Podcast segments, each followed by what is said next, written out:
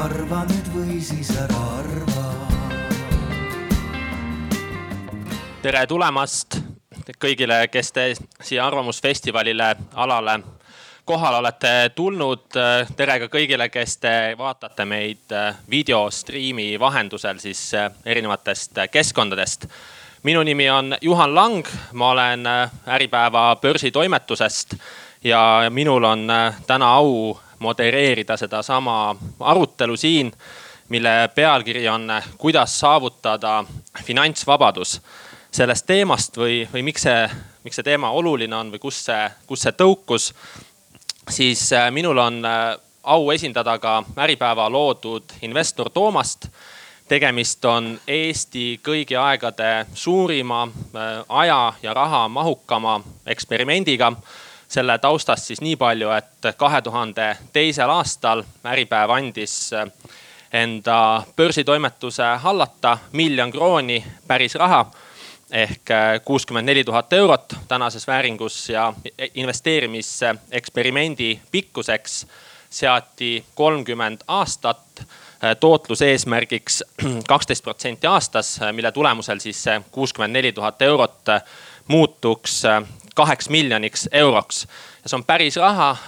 päris investeeringud, pea kakskümmend aastat Äripäeva börsitoimetus seda, selle projektiga tegelenud on.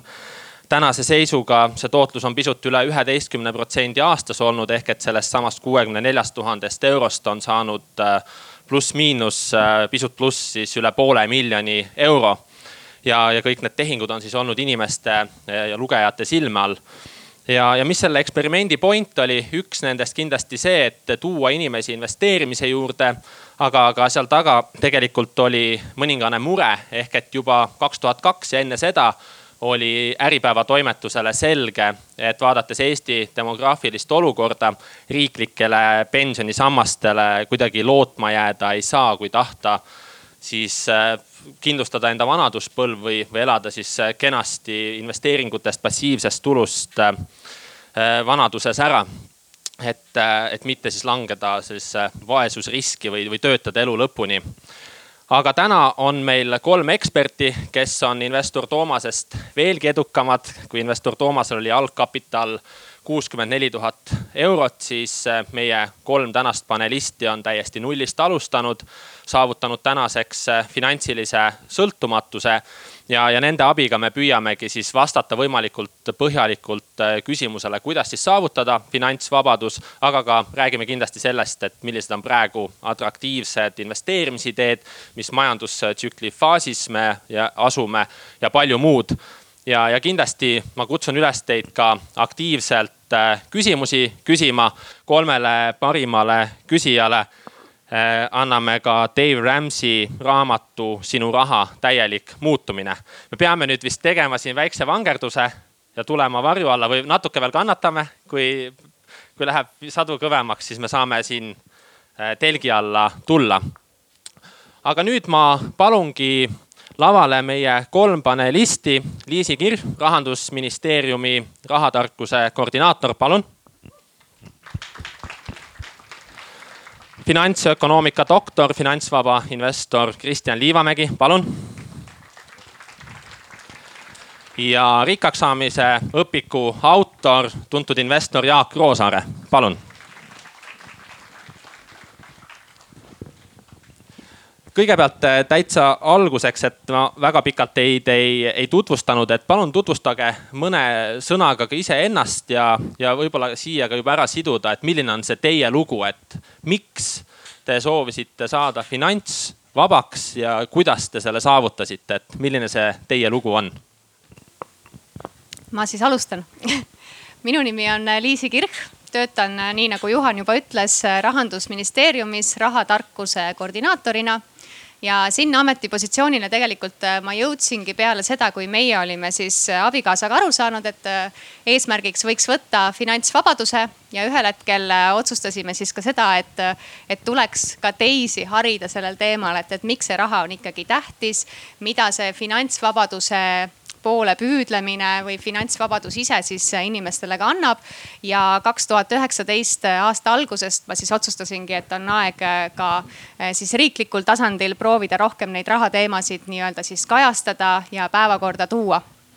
Ja miks selline finantsvabaduse eesmärk tegelikult võetud sai, see oli siis kaks tuhat neliteist aastal, kui me hakkasime abikaasaga kokku kolima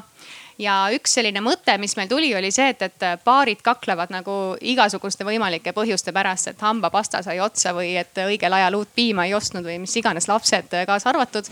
ja, ja siis me lugesime tegelikult Jaagu raamatut ja sealt siis tuli see mõte, et raha pärast me kakelda ei taha ja et mis oleks, kui me võtaksime siis selle finantsvabaduse eesmärgiks, et siis nagu sellised raha pärast nagu tülitsemised jäävad nagu kindlasti ära finantsvabadus sai saavutatud kahe tuhande kahekümnendal aastal. sealhulgas oli meil selline oluline mõte veel juures, et me tegime siis seda läbi minimalistliku elustiili. ja ka see niimoodi tuli nagu selle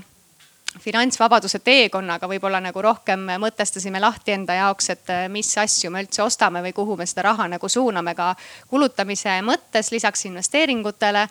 ja, ja niimoodi ta tegelikult ongi nagu noh, kuidas ma ütlen, üksteist toetavad eesmärgid olnud, et nii see minimalistlik elustiil kui siis ka finantsvabadus. aga ma annan siit sõnajärje edasi, et äh, kuulame ka teisi. ja tänud, äh, minu nimi Kristjan Liivamägi ja võib-olla enda teekonnast äh, finantsvabaduseni motivatsioon ja valu tekkis eelkõige sellest, et eelmise finantskriisi ajal sain ma aru, äh, et palgatöölisena ühest palga, äh, palgatöö tulust äh, ainult sõltuda on väga suur risk. ja kuna sisuliselt tööandja omavoliliselt võib teha mis iganes otsuseid ta tahab, mis mõjutab selgelt ja tugevalt minu ja minu perekonna rahavoogu. ja sellest alates olen ma siis teadlikult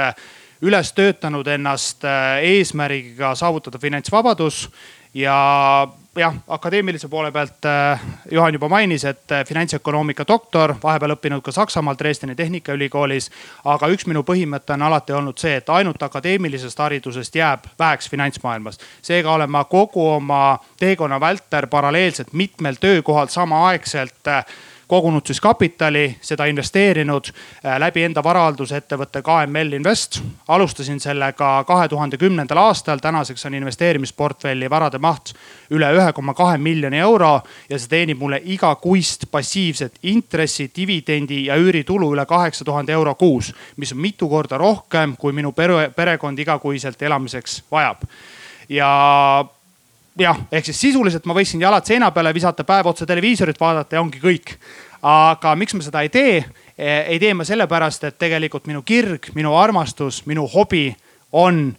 finantsturud, investeerimine ja kogu selle teadmiste tagasiandmine ühiskonnale. sellest tulenevalt siis igapäevaselt tegelikult siiamaani töötan kolmel erineval töökohal ehk siis Tallinna Tehnikaülikoolis, Eesti Ettevõtluskõrgkoolis Mainor õppejõuna, kus siis aastas käib läbi üle tuhande erineva tudengi ja osaliselt panustan ka siis Tallinna linna finantsteenistuses äh, finantsteadmistega. ehk ka Tallinna linna rahaasjad oleksid vähemalt finantspoole pealt korras. nii et äh, jah, see on minu siis see, see lugu ja taust ja, ja portfell ka. tere päevast uh,! Uh, minu poolt ka. Jaak Roosaar on siis minu nimi ja mina siis ennast pean ka investoriks ja, ja ka kirjanikuks ja blogipidajaks ja, ja mina tahtsin juba väiksest peale rikkaks saada, et et äh, kõigepealt tahtsin pankuriks saada ja, ja, ja investeerimispankuriks ja siis ma käisin praktikal, vaatasin, et see on ikka suht äh, ebameeldiv töö ja siis äh,, siis mõtlesin, et pigem ma tahaks äh, ise oma raha hallata ja, ja nii-öelda investeeringuid teha. ja minu jaoks äh, karjääris võib-olla üks ma õppisin EBS-is ärijuhtimist, aga kõige olulisem äh, faas oli see, et ma seitse suve müüsin Ameerikas raamatuid. ja, ja sealt sain siis nii algkapitali kui inspiratsiooni raamatu kirjutamiseks. ja, ja igapäevaselt ma siis äh, tegelen erinevate müügiprojektidega ja aitan kinnisvara arendada ja investeerin ja kasvatan kodus lapsi. võib-olla, kui ära defineerida, et kuidas teie defineerite finantsvabadust, et mis see finantsvabadus teie jaoks on? Finantsvabaduse kohta eelmine aasta investeerimisfestivalil me tegime lausa pika arutelu, et tegelikult selle kohta saab rääkida nagu pikalt ja laialt tunde ja tunde. aga et mis see finantsvabadus ikkagi on, et mina ütleks nii, et, et see on vabadus teha neid asju nende inimestega sellel hetkel ja selles mahus, nagu mina parajasti tahan et on ka toodud seda paralleeli, et ärkad hommikul üles ja vaatad ise, et, et mis siis päev, päev nagu toob ja mis tunne on, et, et kas läheks jooksma või teeks lastega midagi või hoopis teeks natukene tööd. et see on võib-olla nagu see definitsioon, aga siia juurde nagu ajaga on võib-olla tulnud ka see, et et ühest küljest võiks ju noh, nii nagu Kristjan ütles, et lüüa jalad seinale ja mitte midagi teha, päev otsa telekat vaadata, aga ega tegelikult nii nagu kaua ei kesta. Ja siis tulekski leida, kas siis hobisid või selliseid nagu tegevusi, et nagu minu jaoks on näiteks eestlaste rahatarkuse edendamine. siis panustamine sellesse, et me kõik oleksime rahatargemad ja et Eesti oleks üleüldse rahatark riik maailmas number üks ja ja sellesse projekti panustamine tegelikult äh, tõstab ka seda minu nii-öelda enesearengu äh, siis sellist äh, taset ja, ja võimaldab anda tagasi ja et, et tegelikult finantsvabadus mõnes mõttes on ka ühiskonnale tagasiandmine ja võib-olla see, et, et sa teed midagi, mis arendab ja siis ka teistele kuidagimoodi kasulik on või väärtust loob. Jah, nõus Liisi definitsiooniga, et üle kordama seda ei hakkaks, et võib-olla lihtsalt äh, siit edasi minnes nüüd konkreetselt äh, numbrite keelde seda tõlgendades, siis mina enda jaoks vähemalt defineerisin teekonna alguses, et minu jaoks finantsvabadus on see, kui minu passiivsed ehk siis nii-öelda higivabad äh, intressi, dividendi ja üüritulud ületavad kahekordselt minu perekonna eelarve äh,. ja eelarve all ma pean siis silmas, et saab elada sellist elu, nagu sa soovid teha sellist asja, mis sa tahad. kui tahad ümber maailma reisida, siis reisid ümber maailma, siis peab lihtsalt portfell suurem olema, sissetulek suurem. aga, aga jah, ehk siis äh, numbrite keeles kaks äh, sissetulekud, passiivsed sissetulekud kaks korda kõrgemad kui perekonna kulud, sest seeläbi on mul võimalik ka seda ülejäänud osa reinvesteerida ja jätkusuutlikult seda teha. aga muus osas äh, Liisi definitsiooniga täiesti nõus ja väga midagi lisada pole mul on hea positsioon, ma saan lihtsalt öelda, et ma olen lisaks Liisile ka Kristjaniga väga nõus, nii et äh,. aga võib-olla mõnes mõttes see finantsvabadus on ka natuke selline müüt, et äh, kui ma olen käinud kuskil esinemas või inimestega rääkimas, et siis alati küsitakse ka seda, et okei okay,, et nüüd sa saaksid oma igapäevased kulud kaetud äh,. ja, ja raha jääb üle, et miks sa siis rohkem ei tarbi või, või miks sa siis üldse midagi teed, et, äh, et ma arvan et me kõik äh, mingi hetk jõuame sinna välja, et, et raha muutub sulle justkui ka nagu selliseks tööriistaks, et kui sa tegeled investeerimisega, siis mida rohkem sul äh, kapitali on, seda rohkem selliseid uksi avaneb. Äh, ja noh, nii nagu kingsepal on vaja mingit tööriistu, et kingi parandada, et siis investoril on vaja kapitali või raha, et, et saaks mingeid investeeringuid teha, nii et, et ma ise nagu isiklikult seda pole küll tajunud, et raha istuks kuskil või et saaks nagu oma neid igapäevakulusid niimoodi passiivsest tulust katta, et see passiivne tulu läheb kõik kuhugi kohe edasi, et äh, pigem on ikka ettevõtlus see, mis aitab neid kulusid katta, mul endal vähemalt. selle juurde, et kuidas detailselt äh, finantsvabadust saavutada, et kui alustada ka nullist, me õige pea ka tuleme, aga, aga võib-olla selline küsimus, et äh, kui kindlalt või kui kindlaks te enda finantsvabadust peate? et kui nüüd tuleks Lehman Brothersi stiilis krahh, kas te oleksite endiselt finantsvabad? Ma nüüd alustan siis, et äh, ma arvan, et selline dividendidel või intressidel väärtpaberiportfellil baseeruv äh, finantsvabadus on, on üks pool, aga teine pool on pigem siis see, et sa tead, et sa oled ise võimeline mingit ettevõtlust tegema või mingit äh, tasu teenima, et, et eelmine kevad, kui see koroonakriis meil oli ja mingid dividendid ära tühistati ja laenud, laenud hapuks läksid, et siis see oli selline hea proovikivi, et, et ma arvan ähm, võib-olla liiga vara, varases staadiumis ma selle, selle peale ei keskenduks, et sa, sa selle passiivse tulu nagu otseselt tarbimisse võtad. aga kui me pensionile läheme, et siis ju me kõik hakkame nagu finantsiliselt vabaks, et äh, see ongi see pensioni definitsioon laias laastus, nii et äh, eks igaüks peab, peab ise oma portfelli selle pilguga vaatama, et kui pommi või kriisikindel ta on aga noh, kõige hullem on see, kui sul on lihtsalt üks tööandja, üks palk, nagu Kristjan mainis, et, et see kindlasti ei ole eriti kindel jah, nõus nende mõtetega, et äh, ma ütlen, et kriisid on tavaliselt need, äh, kus toimub siis nii-öelda see puhastumine nii võib-olla eraeluliselt kui ka tegelikult äh, finantsiliselt. ja noh, mina ise olen oma portfelliga läbi käinud kaks kriisi ja, ja tänasel hetkel ma võiks öelda, et viimases kriisis see tunne, mis seal tekkis, ütleme aasta aega tagasi märtsikuus, kui kõik pandi kinni, hirm oli suur, paanika oli suur, turgudel toimusid sügavad langused mu tunne oli oluliselt parem kui siis, kui Lehman äh, kokku kukkus. miks? põhjus on väga lihtne. tänasel hetkel äh,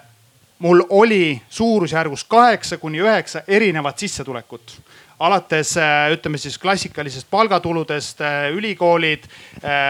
lisaks ka siis dividendid, intressid, üüritulu, lisaks ka veel noh, nagu Jaak mainis kenasti, et ka mingisugused teised nii-öelda ettevõtlusprojektid võrreldes selle aega tagasi, kus äh, Lehman kokku kukkus, mul oli sisuliselt ainult palgatulu ja natukene investeeringuid. ja reaalsus näitas, et ainult ühest palgatulust sõltumine maksis mulle väga karmilt kätte. ühepoolselt äh, tööandja noh, sisuliselt pani mu fakti ette, et kas siis alandatakse palka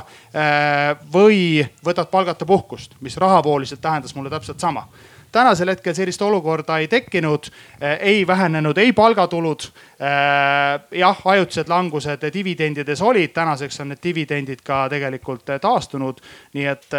ma ütleks, et kui selline ongi kriis, siis sellises kriisis tahakski elada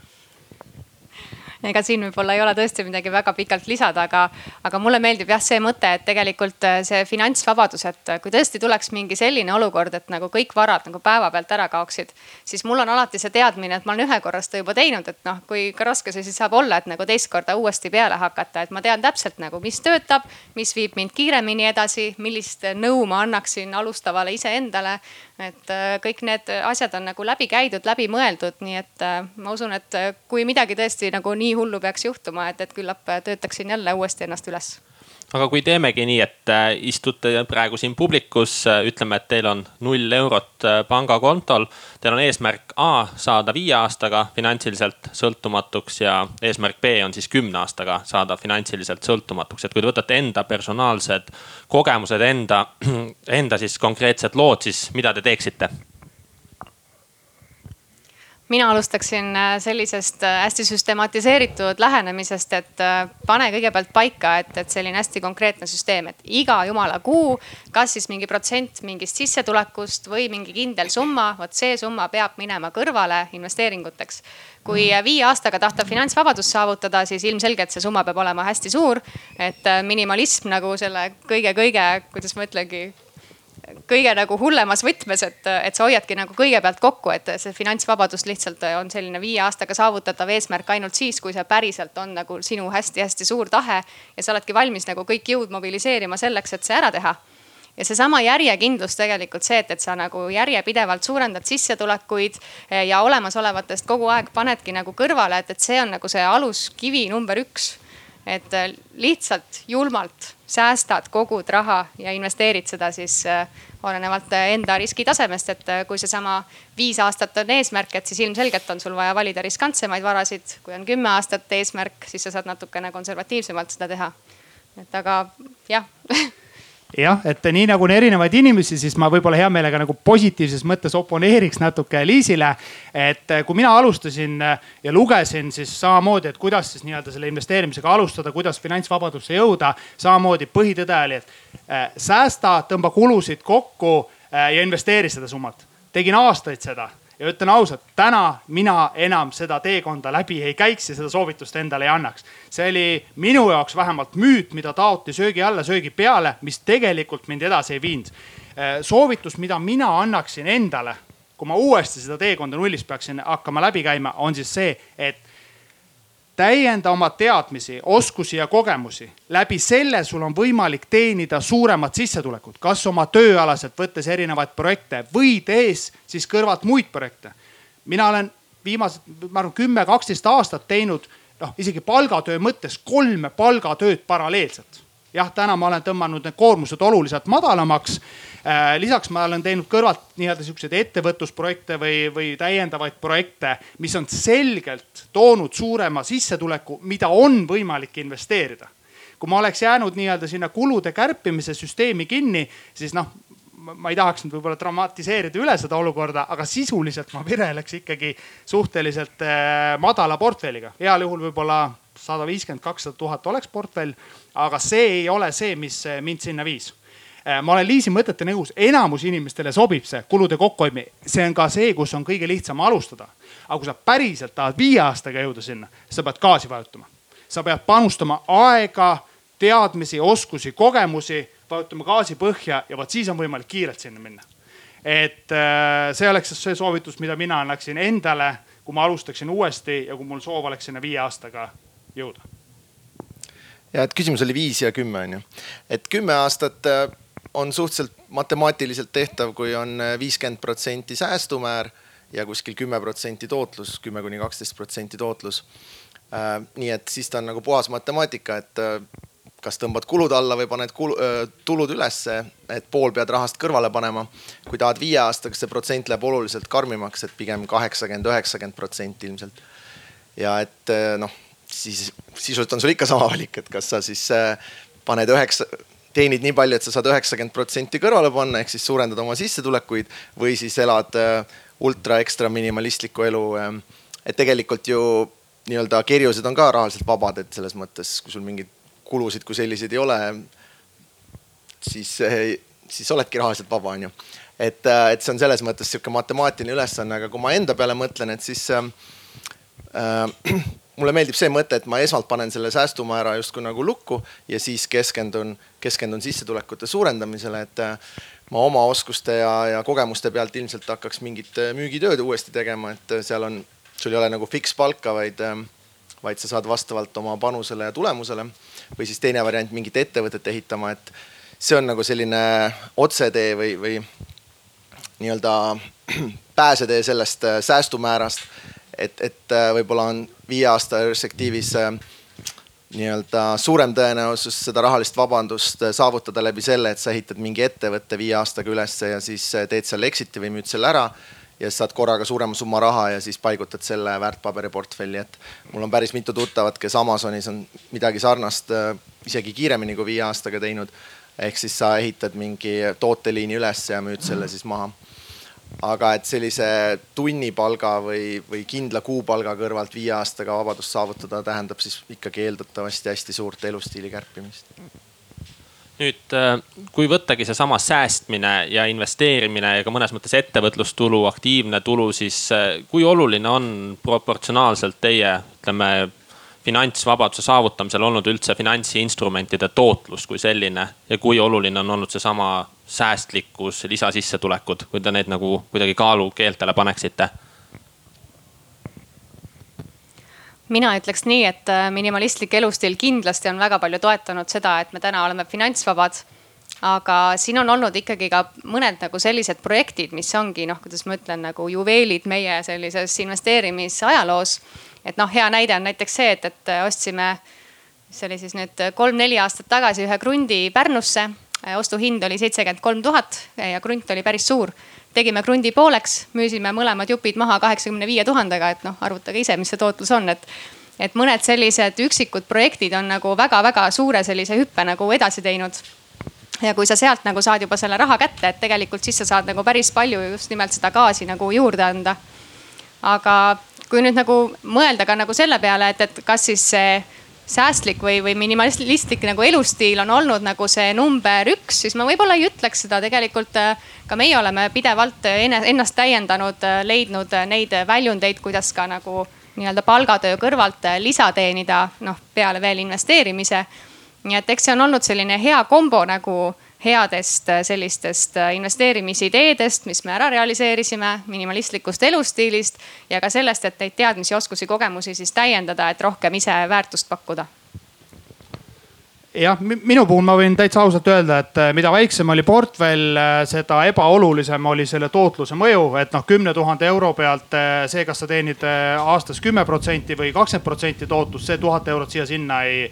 see, see suures pildis ei, ei mängi rolli ehk siis alguses selgelt teadlikult, vähemalt mina fokusseerisin oma sissetulekute suurendamisele, et mul oleks kapitali, mida investeerida. ja tänasel hetkel ma olen jõudnud olukorda, kus palgatöö või no ütle üldse igasuguse töö tegemine minu jaoks sisuliselt on eh,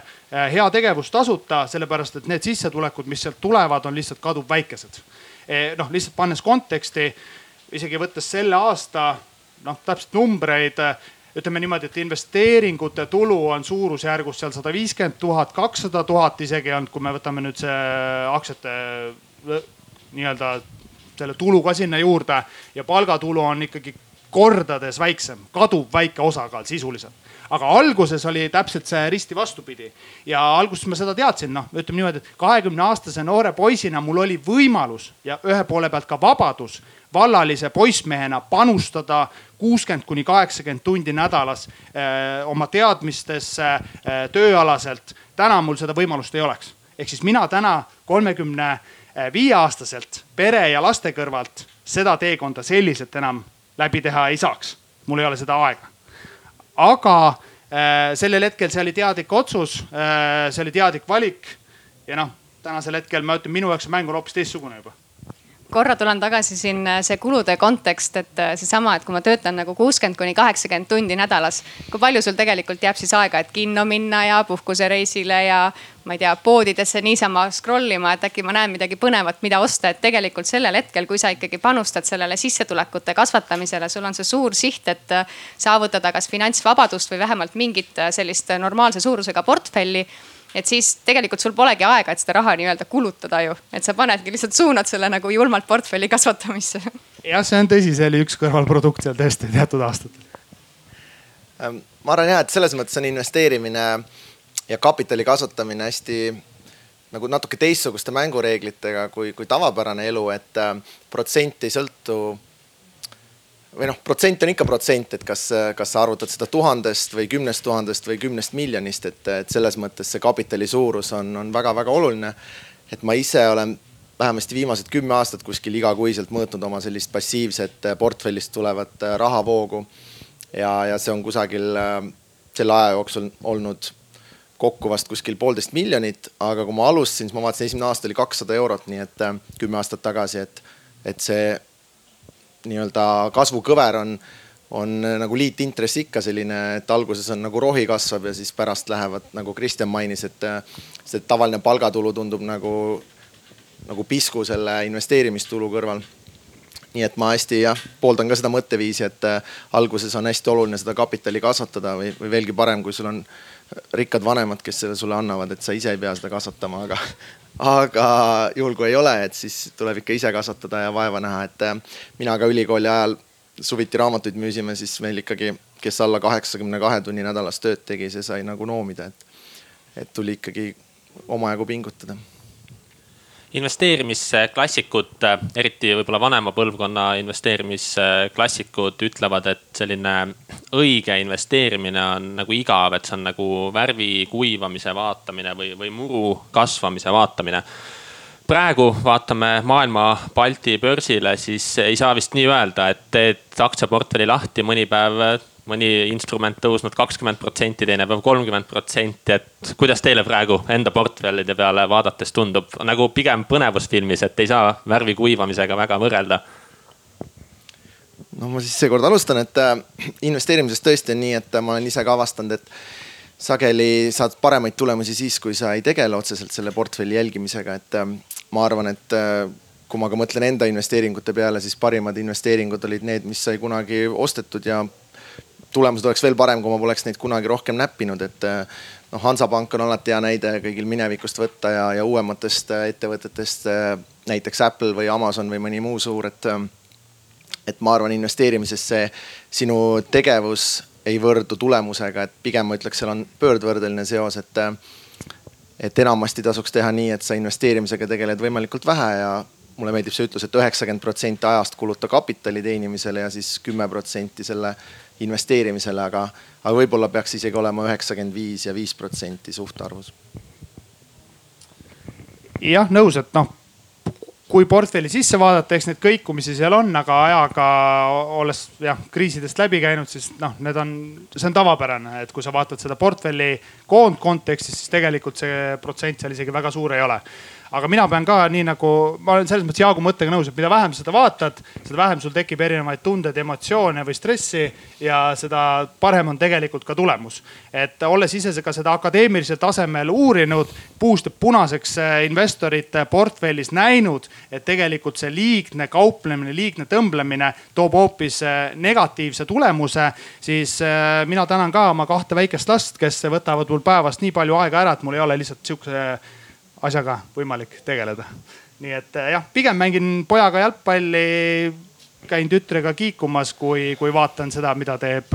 näiteks LHV aktsia no teooria üldiselt võikski olla selline, et, et portfellist äh, nagu selline kõige suurem nii-öelda baasosa on nendes igavates varades, et mille kasvamist sa tõepoolest vaatad nagu muru kasvamist. aga, aga jah, kui nagu tulla tagasi selle Juhani küsimuse juurde, et, et see, mis siin on nagu viimasel ajal toimunud, siis seda põnevust, olgem ausad, pakub ju ainult see nii-öelda püramiidi tipp, et kui me kujutame portfelli ette nagu püramiidi kujulisena, siis äh, tegelikult ainult see selline ülemine kümme, viisteist protsenti on see, mis nagu seda põnevust üleval hoiab, et kõik ülejäänud tegelikult on nagu selline no tõesti surmigav, et mis ma nagu vaatan, et näe, võlakiri ikka siin toodab mulle sedasama protsenti, mis nad nagu alguses lubasid, et ta toodab. Või, või kinnisvara on veel parem näide, et ma ju ei hinda kinnisvara väärtust igapäevaselt üle, et, et siis näha, et, et noh, kuidas siis on, et läks natuke üles või tuli natukene alla, et sõltuvalt sellest, kuidas ilm oli või kuidas inimestel tuju oli, et et äh, põnevust pakub jah, selline pisikene osa, aga samas äh, portfell nagu suurema pilguga vaadates on, on võrdlemisi igav räägimegi lahti teie investeerimisportfellid, et varaklassid ja instrumendid, et mida teie investeerimisportfellid praegu sisaldavad? no kuna mina olen äh, põhimõtteliselt ikkagi juba üle kahekümne aasta tegelenud investeerimisega, mulle meeldib selline margikogujalik suhtumine, et kunagi väiksena ma kogusingi marke, mul oli eesmärk kõik riigid kokku saada, ma sain sada kaheksakümmend kolm riiki endale. et siis mul on investeeringutega suht sama lähenemine olnud, et tahaks kõik asjad endale lõpuks portfelli saada. et mul on seal äh, kindlasti palju rohkem nodi, kui peaks olema. Äh, ja see on rohkem siis minu isiklik äh, teema, et seal tootlusega ilmselt on jällegi vastupidine korrelatsioon. aga niimoodi teoreetiliselt mulle meeldib see idee, et sul on kolm suuremat varaklassi ehk siis ettevõtted ja, ja aktsiad, kus sa saad dividendi, võlakirjad, hoiused, laenud, kus sa saad intressi ja siis kinnisvara, kus sa saad üüri. aga kui nagu rahalise mahu järgi vaadata, et siis mul endal tegelikult ilmselt kõige suurem osa on, on osalused kahes kinnisvara arendusettevõttes, mis justkui said alguse niimoodi üürikorterite arendamisest ja ehitamisest, aga on ajapikku suuremaks kasvanud, et et neid võib siis pigem lugeda selliseks äh, ettevõtluse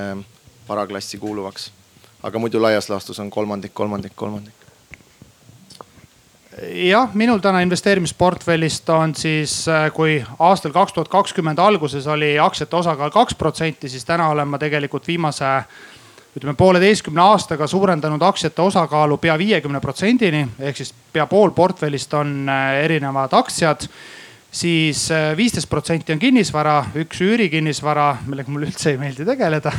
aga lihtsalt noh, jah, las tas olla ja siis on muidugi kinnisvarafondid näiteks nagu Eften kus siis jah, minu eest õnneks tegeletakse kinnisvara haldamisega.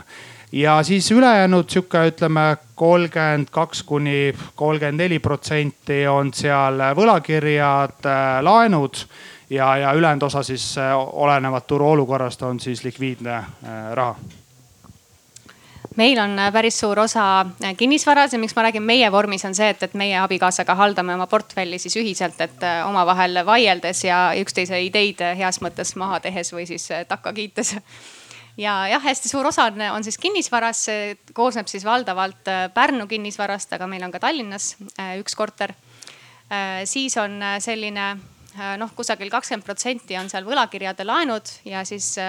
ma pakun et, kolmkümmend protsenti on kusagil äh, erinevad aktsiad, aga sinna kuuluvad siis ka erinevad startup investeeringud, et, et millega siis võib-olla viimasel ajal on rohkem nagu pistmist olnud, et nii Funderbeam platvormil kui ka siis otse investeerides. kui võttagi nüüd selline suurem äh, makropilt ette, et äh, näiteks meie sama investor Toomas meil on kuskil äh, pool miljonit eurot ja investor Toomas ei ole siis olnud kogu oma kahekümne aasta pikkuse tegutsemise ajaloo jooksul mitte kunagi nii agressiivselt investeeritud kui praegu, et äh, meil on kusagil äkki alla kümne tuhande euro, sellest poolest miljonist veel investeerimata, ülejäänud on suures osas siis aktsiates, et kuidas te teie te,, kuidas teie siis enda agressiivsust praegu turgudel hindate ja, ja teie hinnangul, kus me majandustsüklis, mis faasis me praegu võime asuda? Ma alustan seekord ise. Äh, üle aastate ka minu portfellis aktsiate osakaal pole nii suur olnud, kui ta praegu on. ja põhjus on väga lihtne, et vaadates erinevaid makromajanduse indikaatoreid alates SKP-st, töötuse määrast, keskpankade rahapoliitikast kuni ennakindikaatoriteni välja, siis minu hinnangul me just, just oleme nii Eestis kui ka tegelikult Euroopas läbinud majandustsükli langusfaasi. Eestis ka majandustsükli taastumisfaasi ja oleme majandustsükli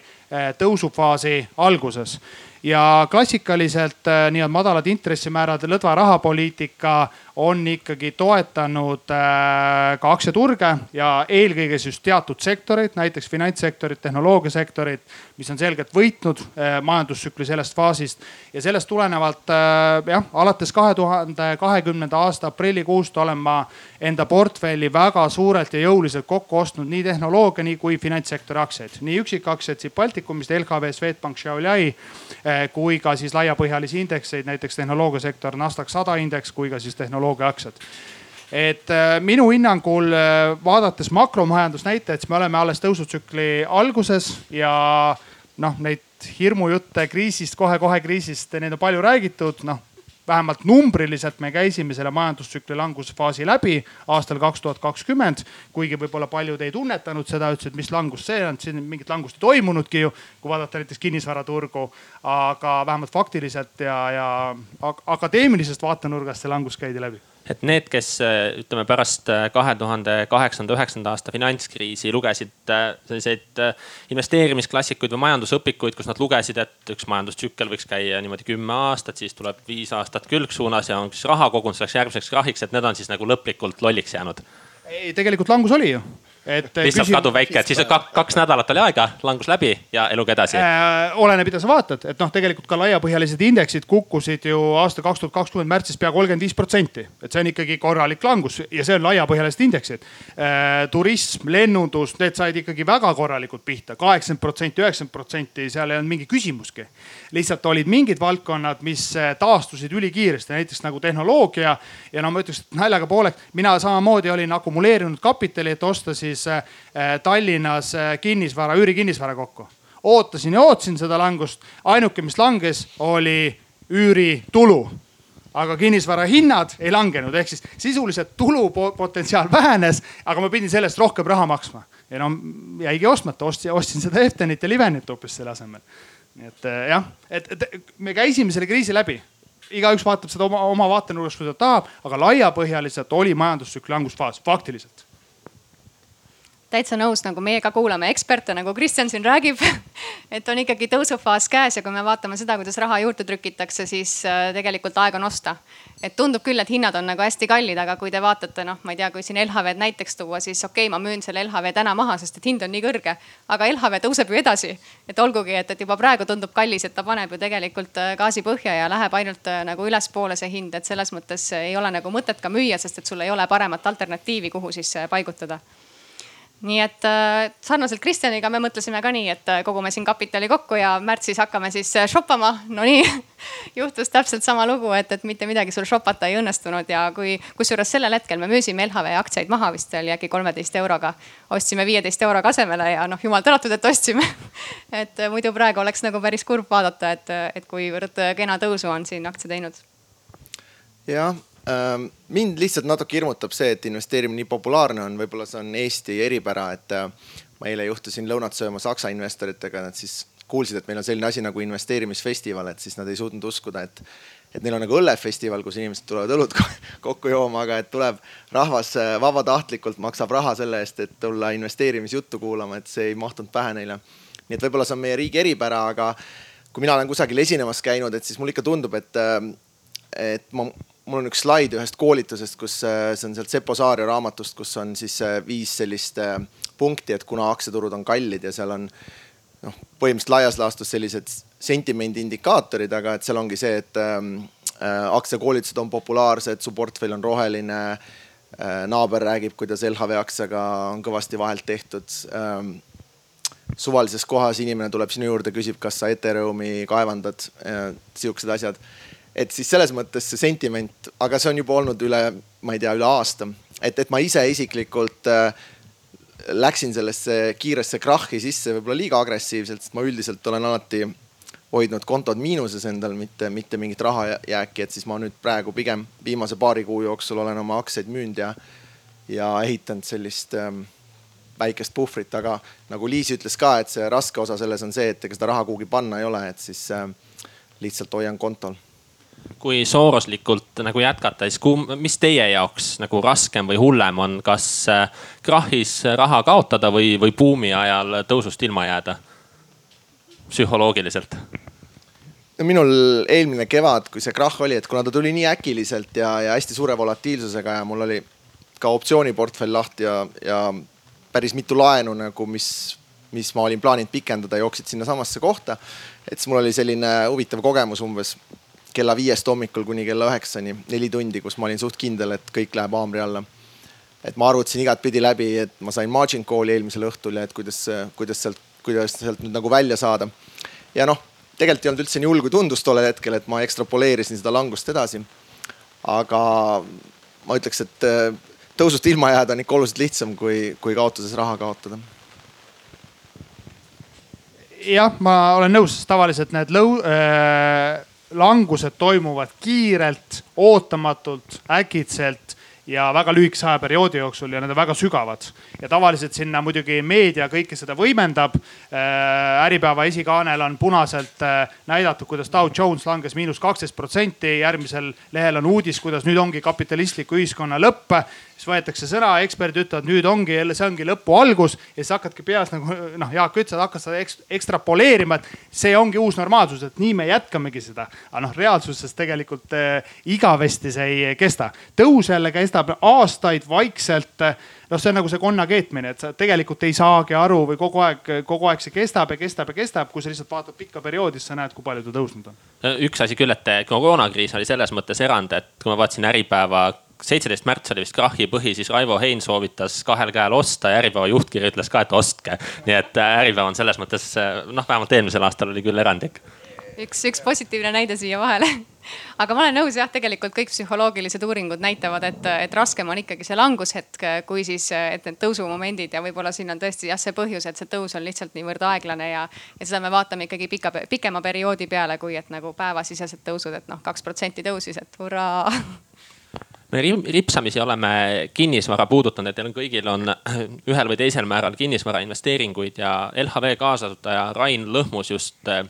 hiljuti Eesti Ekspressile antud intervjuus ütles, et Tallinna kinnisvaraturg on makrotrendina väga tugev, et tuleb kõrgepalgalisi IT-sektori töökohti järjest juurde, sekka tuleb ka tegelikult IT-miljonäre et äh, väga tugev trend ja need, kes arvavad, et siin tuleb mingi selline vaibumine, et need, ta ei tea, mis planeedil nad elavad, et kuidas teile tundub Tallinna ja Eesti kinnisvaraturg siis tervikuna?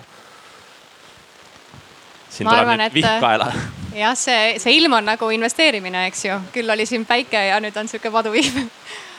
aga kinnisvara juurde tulles äh, tegelikult äh, ma usun, et, et mingi selline korralik tõus oli kindlasti juba pensionirahade turule tulemise ootuses ära.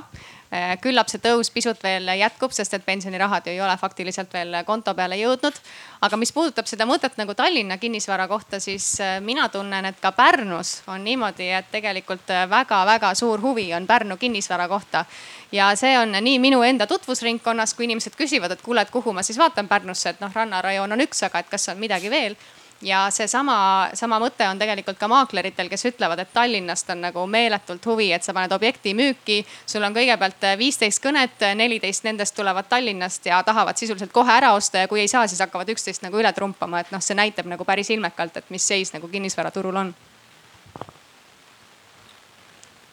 jah, nõus, et äh, võib-olla Raini äh, mõtted on nii-öelda üks pusletükk kogu selles suures äh, pildis ja see on selgelt nii-öelda positiivselt toetav kinnisvaraturgu. et mina isiklikult ka, kui ma vaatan nii-öelda sihukest viist kuut tugevat makro näitajad, siis mina olen ka samamoodi positiivselt meelestatud Tallinna kinnisvaraturu osas laenuintressid on ülimadalad, pangad on muuhulgas siis riskimarginaale vähendamas. Lisaks siis eestlaste sissetulekud või tallinlaste sissetulekud suurenevad, mis tähendab, et see nii-öelda kinnisvara kättesaadavus tõuseb. Ja, ja no tegelikult me, mis me näeme, on see, et, et äh, majandus kasvab, inflatsioon on meil positiivne, mitte ainult positiivne, vaid tegelikult ka juba vist viimane kuu oli pea viis protsenti, mis tähendab, et see rekordkogus raha, mis eestlastel kontodel seisab, otsib kohta eestlane on kinnisvara usku, see on esimene koht, kuhu ta vaatab, kui tal pole väga detailseid teadmisi ja, ja ta soovib seda ära, ära parkida. ja, ja noh turuhinnad on samamoodi väga positiivselt nii-öelda kasvanud, mis annab neile kindlust juurde, et nüüd on õige aeg see otsus teha. nii et tänasel hetkel on minul isiklikult keeruline näha, mis on need faktorid, mis peaksid hakkama Tallinna kinnisvaraturu hindasid eh, alandama. pannes sinna juurde ka, et sisendhinnad ehk siis ehitushinnad on tõusnud, ehk siis kinnisvara ehitamine on kallim. sa ei saa seda noh, nii-öelda võib-olla Jaak võib selle arenduse poole pealt rohkem rääkida. ma annaks hea meelega hea kuulsõna jah, igati nõus, et äh, on tõesti kallim, et äh, kõik, kõik äh, asjad on kallimaks läinud, ainuke asi, mis on odavamaks läinud, on raha. aga noh, üldiselt see pigem peamine vastuargument sellele kinnisvara kasvule on olnud meie selline demograafiline seis, et, et laulva revolutsiooni lapsed on juba kõik korteri ära ostnud ja kõik, kellele vähegi pangad peaks laenu andma, on juba oma laenu kätte saanud aga et sellele on siis kaks vastuargumenti ka, et üks on see, et ikkagi Eesti üldiselt äh, linnastub Tallinna suunas ja Harjumaa suunas just. et me ise Scandiumiga, kus me arendame kinnisvara, me oleme ka täheldanud, et äh, on selline nagu teisene liikumine Tallinna linna seest siis Harjumaale mm, nii-öelda lähivaldadesse, kus siis äh, inimesed, kellel on korteri, korteri väärtus tõusnud ja, ja suur osa või mingi arvestatav osa sellest kodulaenust ka juba ära makstud liiguvad siis äh, korteri pealt kas siis ridaelamu boksi või, või eramaja peale, et, et selline trend on minu meelest üsna tugev. ja siis see, mida Rain Lõhmus seal puudutas, et meil on sellist IT-miljonäride raha või, või optsiooni, töötajate optsiooniraha tulnud juurde, et see on ka kindlasti õige, et, äh, et ma näen, et seal turul on päris suur nõudlus ka selliste noh, hästi kalliste penthouse'ide või, või luksuskinnisvara järgi, et kus, kus pigem otseselt seda hinda ei vaadatagi ja, ja ma arvan Pärnus samamoodi ma korra lihtsalt võtan siin Jaagul sõnasõnast kinni, et, et sa ütlesid, et äh, pigem selline Tallinn ja Harjumaa, aga teisest küljest äh, koroonakriis, äh, kaugtöö võimalused, mis on nagu kõikidele niivõrd kättesaadavaks tulnud, et kuidas teile nagu tundub, et kas see pigem ei ole nii, et mul on Tallinnas korter juba olemas. nüüd ma tahaks seda maamaja pigem nagu natuke kaugemale, et noh, Pärnu on üks kant, aga ka saared või Läänemaa või. Paide pole liiga kaugel. just nimelt, et. kindlasti ja, et praegu on ju igal pool Eestis tegelikult hinnad tõusnud, et ma vaatan, kui see neljarealine tee saab, äh, sisuliselt saabki Paideni valmis, on ju, et siis sõidad siit peaaegu sama kiiresti kui kuskilt Viimsi otsast Tallinnasse, nii et ähm, miks mitte. kui tõmmata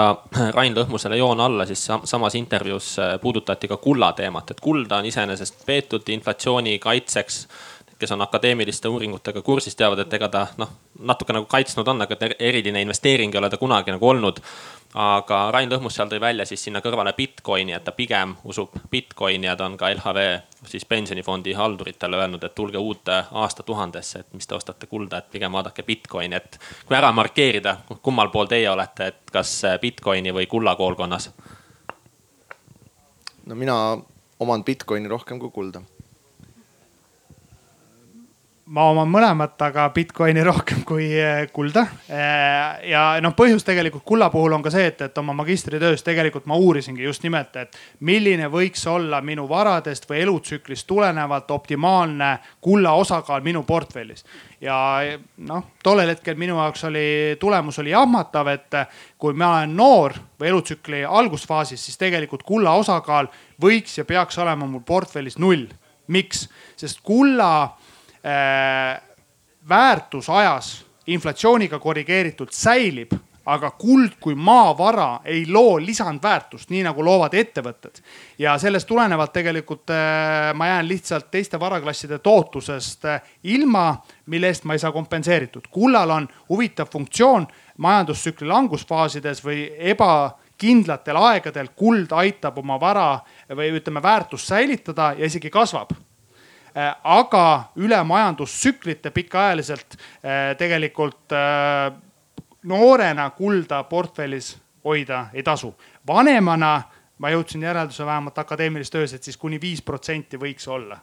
just nimelt selle riski maandamise aspektist. aga jah, tänasel hetkel noh, öeldakse, et, et see, kus sul on positsioon, see näitab, mida sa usud. tänasel hetkel minu Bitcoini positsioon on suurem kui kullas. enne kui veel Liis jõuab vastata, siis kas Bitcoini osas te panustate nagu suuremale lollile, et keegi ostab kõrgema hinnaga seda kunagi ära või te olete nagu nendest toimimispõhimõtetest nagu piisavalt hästi aru saanud, et tunnete, et nii-öelda Bitcoini sisemist väärtust või, või tulevikupotentsiaali? no eks ikka loodame suuremale lollile muidugi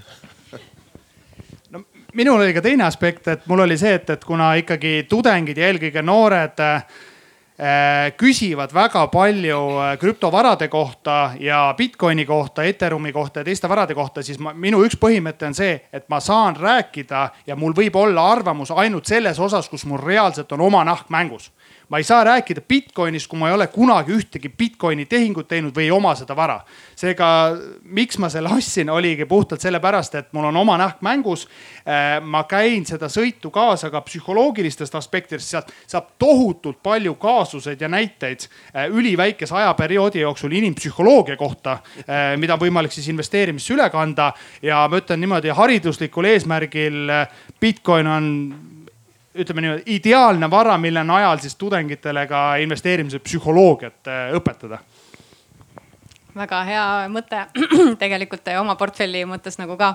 aga mina tooks siia selle paralleeli, et aasta oli kaks tuhat viisteist, kui ma sain oma esimese lapse, siis äh, need äh, dekreedirahad kätte. ja siis äh, me mõtlesime, et, et ostame siis füüsilist kulda, seda me ka tegime, hoidsime siis kapi otsas oma kahte väikest kullaplaati ja oli selline tore väike katse. müüsime poole aasta pärast maha, saime natuke kahjumit. aga see natuke näitab nagu seda, et kuidas see nagu riskitunnetus või, või see portfelli hajutamine on nagu ajas muutunud, et praegu mul mul ei ole enam kulda. mul ei ole Bitcoini ka tegelikult.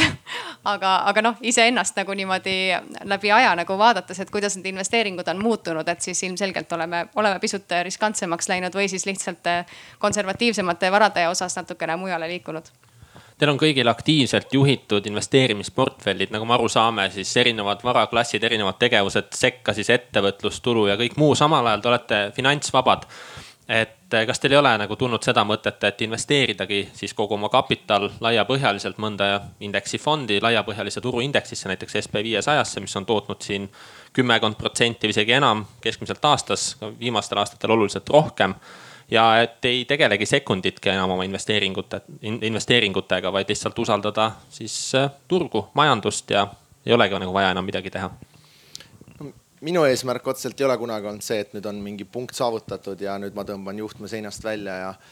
hakkan midagi muud tegema, et, et mulle meeldib see, mis ma teen ja ma arvan, et meil kõigil on enam-vähem sarnane mõte.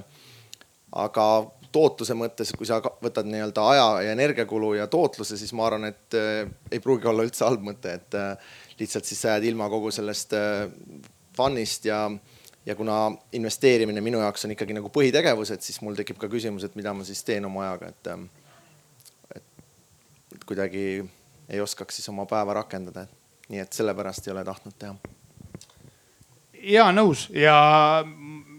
mina ka siis tegelikult regulaarselt monitoorin, et eh, kas eh, võrreldes SB viiesaja indeksiga, et eh, kas ma siis suudan seda edestada või mitte, ehk siis sisuliselt, kas selle töötunni hind, mis ma panustan sinna, on sellel mõtet või mitte. ja tulemus tegelikult on see, et minu, minu tunni hind või nii-öelda see lisatootlus, mida ma võrreldes siis turuindeksiga olen teeninud, selle tunni hind on madalam kui koristajal. ehk siis sisuliselt mul ei oleks nagu finantsiliselt mõistlik seda teha. aga noh, siit tekibki samamoodi küsimus, et kujutate ette õppejõudu või tuleb teile rääkima, et noh investeeringute analüüsis, et mis me siis teeme, et miks me neid investeeringuid analüüsime. esimene sõnum on see, et pange laiapõhjalisse indeksfondi, kõik pool aastat on tehtud, tulge eksamil tagasi. et jõle igav on ja ei ole mitte mingisuguseid noh, tegelikult kogemuslugusid, mille pealt on võimalik siis õppida, mida on võimalik analüüsida ja jah, et noh, minu ka selle noh, ühe poole pealt see mängu ilu, aga teise poole pealt see hariduslik aspekt. ja noh, kolmas aspekt on ikkagi see, et ma sooviks, et ka järeltulevale põlvele mingisuguseid teadmisi edasi anda ja, ja vähemalt näidata teile, mis võimalused on erinevates varaklassides ja selleks ma pean reaalselt oma naha mängu panema, reaalselt neid tehinguid tegema, reaalselt vigadest õppima laskma ka neil vigu teha ja laskma ka neil õppida ja vot siis on võib-olla hakkab sealt midagi tulema. et kui ma niisama passiks äh, indeksfondis, mis finantsiliselt on mõistlikum, siis äh, noh, kaob kogu see hariduslik aspekt ära, vähemalt minu elust meil on olnud ka selline mõte, et, et tegelikult jah, et mida rohkem nagu su, sul portfell hakkab nagu raha genereerima, seda, seda rohkem oled sa tegelikult küsimuse ees, et kuhu ma järgmisena panen. et noh, okei okay,, tõstad nagu neid positsioone, mis sul juba on, eks ju, aga noh, mingis mõttes nagu tekib ikkagi see küsimus, et nagu kuhu edasi ja, ja mõnes mõttes me oleme nagu jõudnud sinna punkti, et tegelikult kui me siia sõitsime, siis me saime siis äh, meili, et meie Interactive Brokersi konto on lõpuks ära kinnitatud. Et äh, tegelikult saab tõesti hakata neid indekseid võib-olla rohkem nagu vaatama ja mõtlema. Ja, ja mille jaoks seda siis tegelikult teha, on see, et, et vabastada tegelikult aega siis äh, investeeringute jälgimiselt, võib-olla siis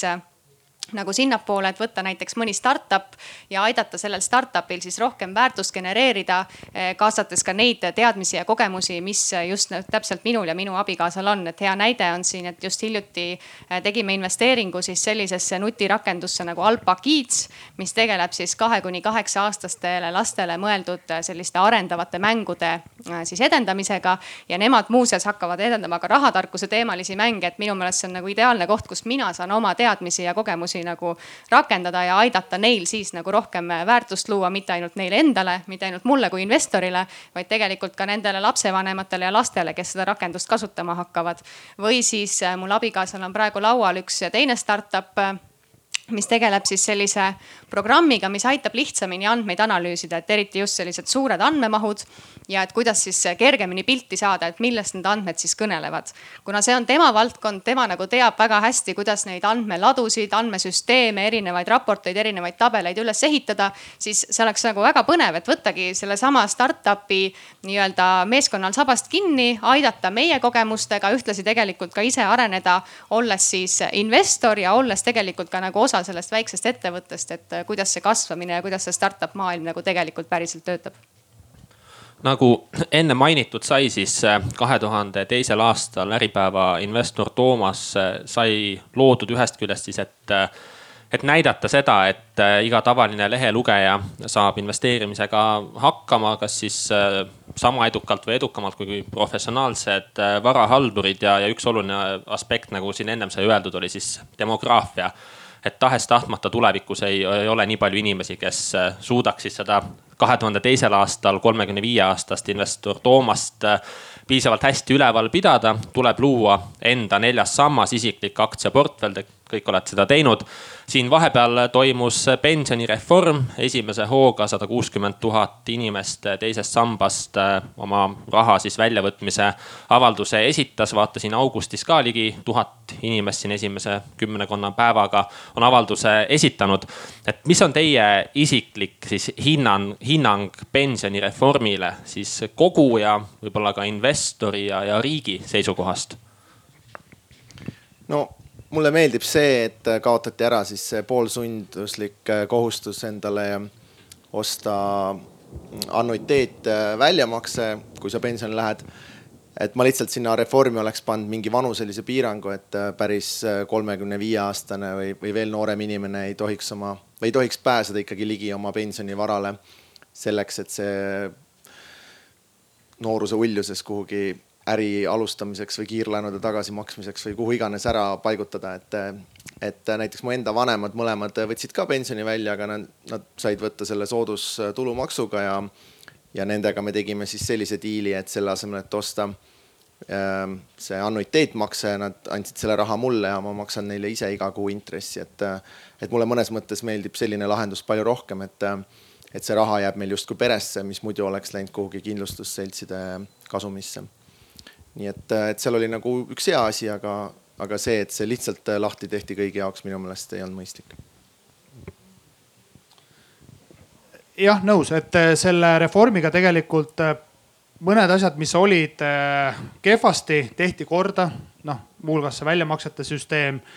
aga ma olen ka nõus, et kui laiapõhjaliselt seda olukorda vaadata, siis tõenäoliselt suure kogumina need inimesed, kes selle raha välja võtavad võttes arvesse ka siis nii-öelda seda saamata jäänud tulu, siis nad ei tee finantsiliselt head otsust. ja, ja noh, paratamatult tekib olukord, kus siis äh, nende inimeste heaolu eest või pensioni ajal äh, nende nii-öelda sihukeses sotsiaalsüsteemis me peame neid ka üleval pidama ja siis ei mäleta enam keegi seda olukorda, et kolmkümmend aastat tagasi ma võtsin sealt pensioni teisest sambast oma raha välja, ostsin endale BMW, sõitsin selle kahe aasta pärast puruks. aga nüüd ma soovin täpselt sama pensionit saada, mis mu töökaaslane Toomas, kes ei võtnud pensionisüsteemist raha välja. aga noh, unustatakse see hetk ära, et eh, igale otsusele, igale teole järgneb ka tagajärg ja selle tagajärje eest vastutab ainult see inimene, kes selle otsuse tegi aga üksikjuhtumite puhul eh, pensionisüsteem, noh nii-öelda teisest sambast raha kas enda haldamisse võtmine või siis eh, väljavõtmine on teatud juhtudel õigustatud, aga need on tõesti väga erilised kaasused. ja noh, üldpildis ma olen Jaaguga nõus, et laiapõhjaliselt ühiskonnale tõenäoliselt see vabaks tegemine pikas perspektiivis liiga palju, liiga hea otsus ei olnud finantsiliselt mina jään ka eelpool kõnelejatega nõusse, et, et äh, küllap me näeme veel neid tagajärgi, aga eks see olegi äh, ka maailma mastaabis nagu hästi põnev eksperiment, et sellist asja ei ole mitte kusagil riigis mitte kunagi varem tehtud. äh, teisest küljest ma tahaks tulla nagu selle nii-öelda positiivse aspekti juurde, et, et see raha tehti küll vabaks, raha on vaba, eks ju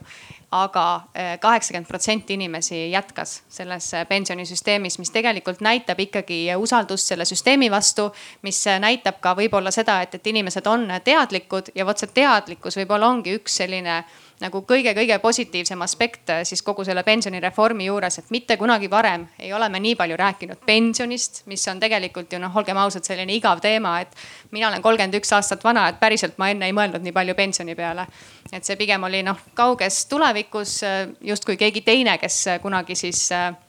minu nime ja isikukoodiga peab siis selle pensioniga nagu hakkama saama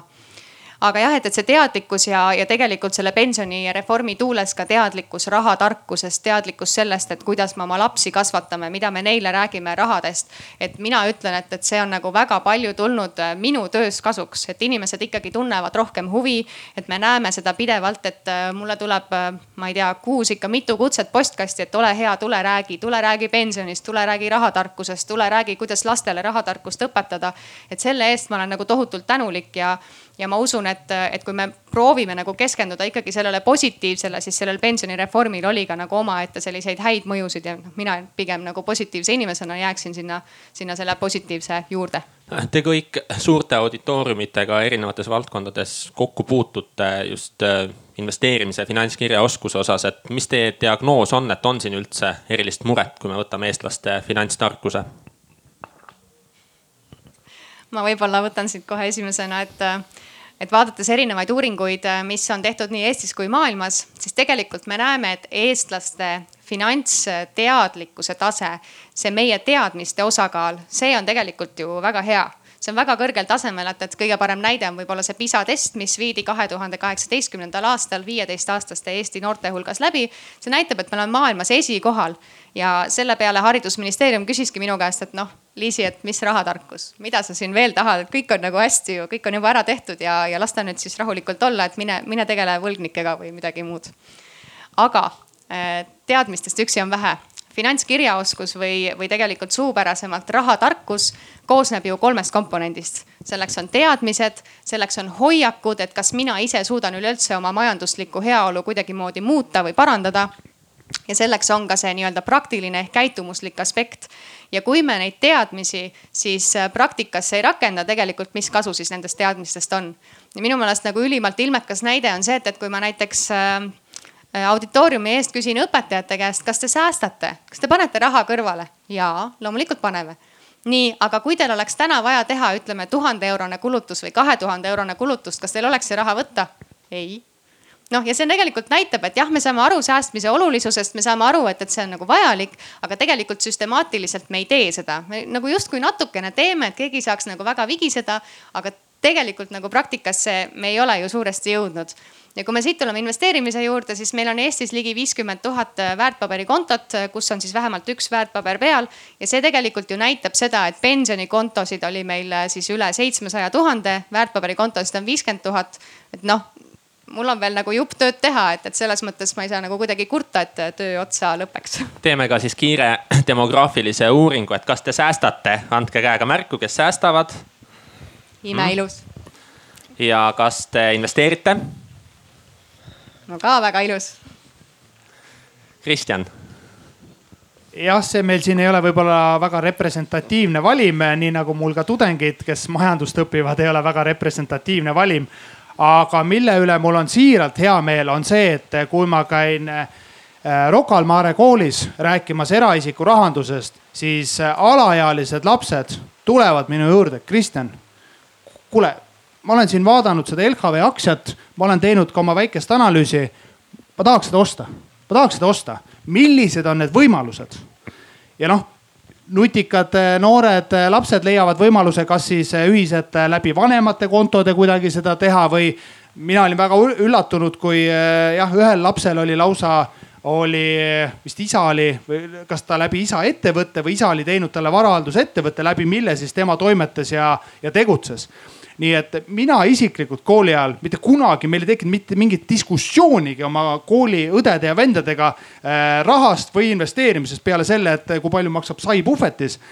Äh, ja minu jaoks on täiesti hämmastav äh, see noor põlvkond, kes peale tuleb, vähemalt selles koolis, kui, äh, kui, kui teadlikud nad on ja kui hästi nad on ka läbi mõtestanud enda finantsotsused, mis puudutavad siis peale gümnaasiumit. olgu see siis ajateenistusse minek äh,, välismaale ülikooli või, või reisima maailmasse, siis äh, mina imetlen neid ja ütlen, et palju õnne teile, et te olete minust juba võib-olla sihuke viis-kümme aastat kindlasti ees selles kontekstis, mis, mis mina teadsin või, või õigemini, mida ma üldse ei teadnudki selles vanuses see, mida teie teete et see lisab optimismi, et noh, ütleme see, et tudengid investeerivad seal ja noh, eks nad on põhjusega tulnud sinna eriala õppima, kus siis ikkagi suur osa no mitte võib-olla nii suur osa nagu siin, aga ikkagi investeerib, tegeleb selle teemaga, tunneb huvi ja on väga teadlikud.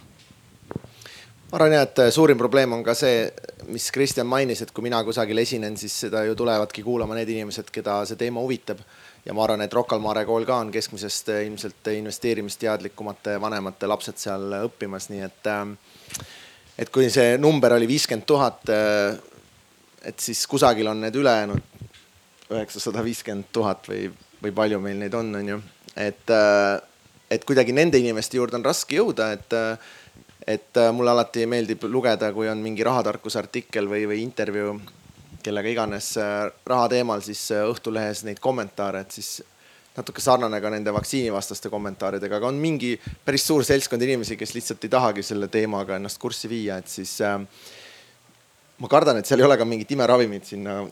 sinna gruppi jõudmisega, et, et siis lihtsalt loodame, et Liisi saab hakkama sellega kuidagi tegelikult ma tahtsingi siia juurde tuua nagu selle mõtte, et noh, Rocca al Mare kool kindlasti nagu Jaak ütles, on võib-olla natukene teadlikumate vanemate lapsed ka koos. aga tegelikult üle Eesti meil on ju üle viiesaja kooli ja selle jaoks, et see rahatarkus jõuaks nagu päriselt selleni, et, et meie suur strateegiline eesmärk, rahatark Eesti oleks siis nagu ka reaalsus. see on meil paika pannud küll aastani kaks tuhat kolmkümmend, aga selle nimel tuleb juba täna tegutseda. siis tegelikult selle jaoks oleks vaja, et me süstemaatiliselt õpetame mitte ainult koolis, vaid juba lasteaiast saadik kuni ülikoolini välja. et meil ongi, meil on praegu näiteks on välja tulnud Tom õpib rahamängu õpetajamaterjal koos töövihikutega. suurepärane võimalus, see on kolmkümmend viis tundi. sa tegelikult saad saad siduda absoluutselt matemaatikaga, eesti keelega, minu poolest ka kehalise kasvatusega kunsti ja käsitöötunniga, et seda annab nagu kõigega siduda. ja kui niimoodi nagu igas vanuseastmes koolid võtaksid ette need materjalid algklassides, Tom õpib rahamängu, natukene kõrgemal on koer nimega Mani või gümnaasiumidel on näiteks kas siis Kristjani õpetatav kursus või siis on Tartus Mart Vainu nimeline õpetaja algatanud sellise e-kursuse, mis on kättesaadav igale koolile, see maksab sama palju kui valikõppeaine nii-öelda kooli toomine. õpilased saavad seda ise omaenda aega juhtides siis kodus teha täpselt sellel ajal, kui neile nagu kõige parem on, et tegelikult neid võimalusi on. see ei ole veel kohustuslik, aga meie tegelikult vanematena, meiega siis noh, kuidas ma ütlengi, koole mõjutavate inimestena me saame ju tegelikult tõstatada seda teemat ja küsida, et kuidas meie koolis õpetatakse rahatarkust. mida te teete selle jaoks, et need inimesed koolides tegelikult ka juba tunneksid huvi, mis on soov, mis on vajadus, mis on mõistlik kulutamine, kuidas ma võrdlen kahte erinevat laenutoodet omavahel, kuidas ma saan investeerimisega alustada. Need ei ole nii keerulised teemad ja tegelikult materjali ja neid inimesi, kes oleksid valmis ka tulema külalistunde andma, et, et neid on tegelikult väga palju ja kui te päriselt mitte midagi üles ei leia, kirjutage mulle. minu täiesti töö meiliaadress on avalik liisi.kirch.fin.ee, et ma hea meelega aitan edasi lapsed ja investeerimine. pensionireformi üks arhitekte, Isamaa esimees Helir-Valdor Seeder on öelnud, et tõeline pensionisammas on äh, lapsed.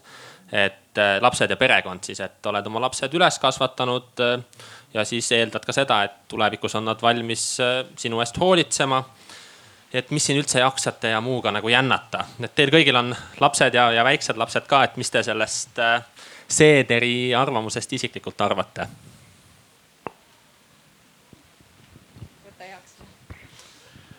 noh, mina võtsin oma vanematelt viimase raha veel ära, nii et, et selles mõttes äh, ma arvan, et äh, lastel saab olema tulevikus niigi palju muret, et planeet meil laguneb ja ja see demograafiline olukord läheb kehvemaks ja et ma nüüd äh, ei, ei usaldaks seda ikka igaks juhuks. jah, ma olen, mina olen enda jaoks seda niimoodi ka lahti mõtestanud, et äh, kui minu lapsed peavad hakkama finantsiliselt mind üleval pidama ja see on nende kohustus lisaks sellele, et neil on võib-olla oma lapsed, neil on tööalased projektid, neil on kõik muu mis on väga kulukas, siis äh, ilmselgelt olen mina midagi valesti teinud. nii et äh, öelda, et lapsed on oma pensionisammas, noh e, kui ma üritan seda positiivses võtmes kuidagi näha, siis ma ütlen emotsionaalselt küll, aga rahalises mõttes ilmselgelt ma olen midagi väga mööda pannud, kui ma jään ainult selle peale lootma, et minu lapsed hakkavad mind üleval pidama. Neil on nii palju muid teisi tegevusi, kohustusi ja kui nende vanemad on neile pensionieas kohustus siis noh, ma arvan, et see emotsionaalselt võib-olla liiga hea ei ole, vähemalt mul ei oleks. Äh, sa mõtled, mis, mis samba, pensionisamba? no pensionisambas see kolmkümmend tuhat eurot, see on minu jaoks kaduvväike summa aga kui, kui sa mõtled, et kas ta selle investeerimisportfelli üle võtab, noh, seda ma ette ei tea, ma teen endast olenevalt kõik koos abikaasaga, et tal võib-olla tekiks huvi selle vastu. kui tal huvi ei teki, see on väga okei okay.. saame ka sinna laiapõhjalisesse indeksfondi lükata ja nad elavad rahulikult oma elu. minu jaoks kõige hullem, mis saab juhtuda, on see, et nad peavad mind üleval hakkama pidama. see on noh, siis ma ilmselgelt midagi valesti teinud oma elus ma olen ka hästi nõus, et äh, olles ise praegu vaadates kõrvalt, et, et kuidas minu vanaema noh, ongi tegelikult, ta vajab abi, tal ei ole mingeid finantse ja tegelikult kõik see abi nii rahalises mõttes kui tegelikult emotsionaalses mõttes, see peab tulema pere käest. ja see raha aspekt võib-olla ei olegi nagu seal nii väga oluline, noh kuigi tegelikult olgem ausad, see on ka oluline, aga, aga see emotsionaalne nagu koorem, see, et, et sa pead leidma talle kohta, sa pead teda veenma, et, et jah, sa vajad abi. et, et sul on vajalik, et, et sa ikkagi oled nagu sellises asutuses, kus kakskümmend neli tundi sinu eest hoolitsetakse. see emotsionaalne taak on juba nii suur, et siis hakata veel leidma mingeid finantse, noh eeldusel, et, et neid ei ole varem kogutud või selle peale ei ole mõeldud. et see on tegelikult nagu jube karm ja, ja noh, mitte mingil juhul mina ise ei tahaks nagu kuidagimoodi selles mõttes olla koormaks, et vastupidi, et ma tahaks olla see tugi ja see abi, kas finantsiliselt äh, või, või kuidagi, ma ei tea, lapse hoidmise või, või kogemuste, teadmiste jagamise kaudu või kasvõi nii, et, et ma teen ise mingi fondi, kus palun väga vaadake, et mina oma elupäevade lõpuni hakkama saan ja edasi selle fondiga edendage rahatarkust, et, et noh, ma pigem nagu näen, et, et võiks olla nagu hoopis selline lahendus, aga teine pool on siin nagu veel, et, et mina nagu hästi seisan selle eest, et meie ise peame hoolitsema selle eest, et nii kooli kaudu kui ka tegelikult kodu kaudu lapsed saaksid seda rahatarkust õppida. ja nüüd on see küsimus, et, et noh, nagu Kristjan enne rääkis, et kui ma panen kõik oma raha sinna laiapõhjalisse indeksisse, siis noh, mis eeskuju ma siis annan, on ju, mu laps ei näegi seda, kuidas automaatselt mu raha kogu aeg ära investeeritakse kui ma ka tegelikult praegu juba räägin sellest, et MES-i investeerivad, MES-i ostavad korteri, need inimesed, kes seal korteris elada tahavad, nad maksavad meile üüriraha. Nad näevad nagu kogu seda protsessi kõrvalt, kuidas me, ma ei tea, kasvõi pere eelarvet või reisi eelarvet planeerime. siis tegelikult lapsed teevad ju selle järgi, mida meie siis praktikas ette näitame, mitte selle järgi, mida me ütleme, et, et noh, see on see toitumise või trenni tegemise näide, et sina pead trenni tegema, aga vaata emme siin tead niisama diivani kaunistus ja, ja istub ja puhkab jalga, et noh, tegelikult ei toimi ju niimoodi. või kui emme sööb krõpsu ja ütleb, et sina krõpsu süüa ei tohi, et sina oled noor, sina pead tervislikult toituma, no jälle ei tööta, et tegelikult meie teod kõnelevad nagu palju rohkem kui see, äh, mida me sõnadesse paneme ja juba sellepärast ma arvan, et me peaksime olema eeskujuks raha kogudes Äh, jälgides oma kulusid-tulusid, rääkides investeerimisest ja rääkides nagu vabalt ka laste ees, et, et miks me teeme niimoodi. miks me ei osta kõike seda, mille järgi meil nagu sekundi pealt isu tuleb, et äh, põhjendada ka neile neid ostu ja tarbimisotsuseid, et tegelikult see on ju nagu veelgi enam olulisem kui see, et, et minul tulevikus mingi portfell oleks. aga ütleme siis, seal on küsimus, kas me saame mikrofoni ka, saame mikrofoni anda ka, tuleb, tuleb kohe mikrofon seal.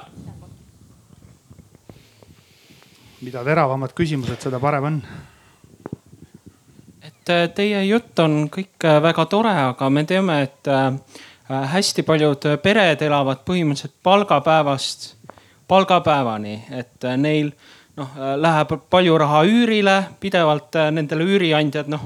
tahavad rohkem raha saada, tõstavad seda üüri äh,. hinnad ka kogu aeg tõusevad Äh, ja kuna noh, äh, paljuski tänu Reformierakonnale valdav enamus maksudest tuleb tööjõult, et äh, teatavasti kuskil noh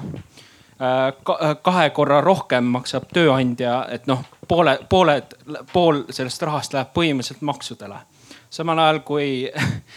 ta ise maksab ainult kakskümmend protsenti ja noh, praegu tahetakse seda survet tööandjatelt veelgi vähemaks võtta, et äh, tööandjad maksavad ainult viisteist protsenti noh seda makse.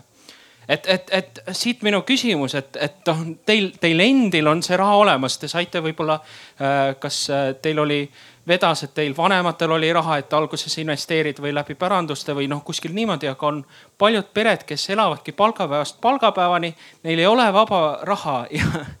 et, et, et, et kus, kuida-, te rääkisite sellest, et vanemad näitaks eeskuju, et kuidas need vanemad saavad üldse investeerimiseeskuju näidata, kui, kui neil ei ole, mida investeerida? ma, ma võin kohe sellele küsimusele vastata, ma olen selles mõttes hea näide, et ma olen tüüpiline klassikaline palgatöötaja, keda on kasvatatud vanemate poolt äh, täiesti investeerimiskaugelt teadmises, et parim, mis sinuga elus saab juhtuda, on see, et sa lähed palgatööle äh, enam-vähem nii palju, nagu sa teenid, kulutad ära ja elad niimoodi kuni pensionini. ma kasvasin selles teadmises, usus äh, kuni ülikoolini ja ma läksin palgatööle. palgatöö ajal õnneks, minu õnneks äh, juhtus see, et tuli kriis ja ma sain aru, et minu roosa unistus sellest, et palga äh, nii-öelda ettevõtja maksab mulle palka elu lõpuni ja maksab seda kindlalt ja tõstab seda iga aasta, see purunes kohe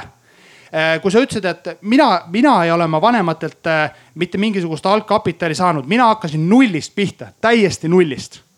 ja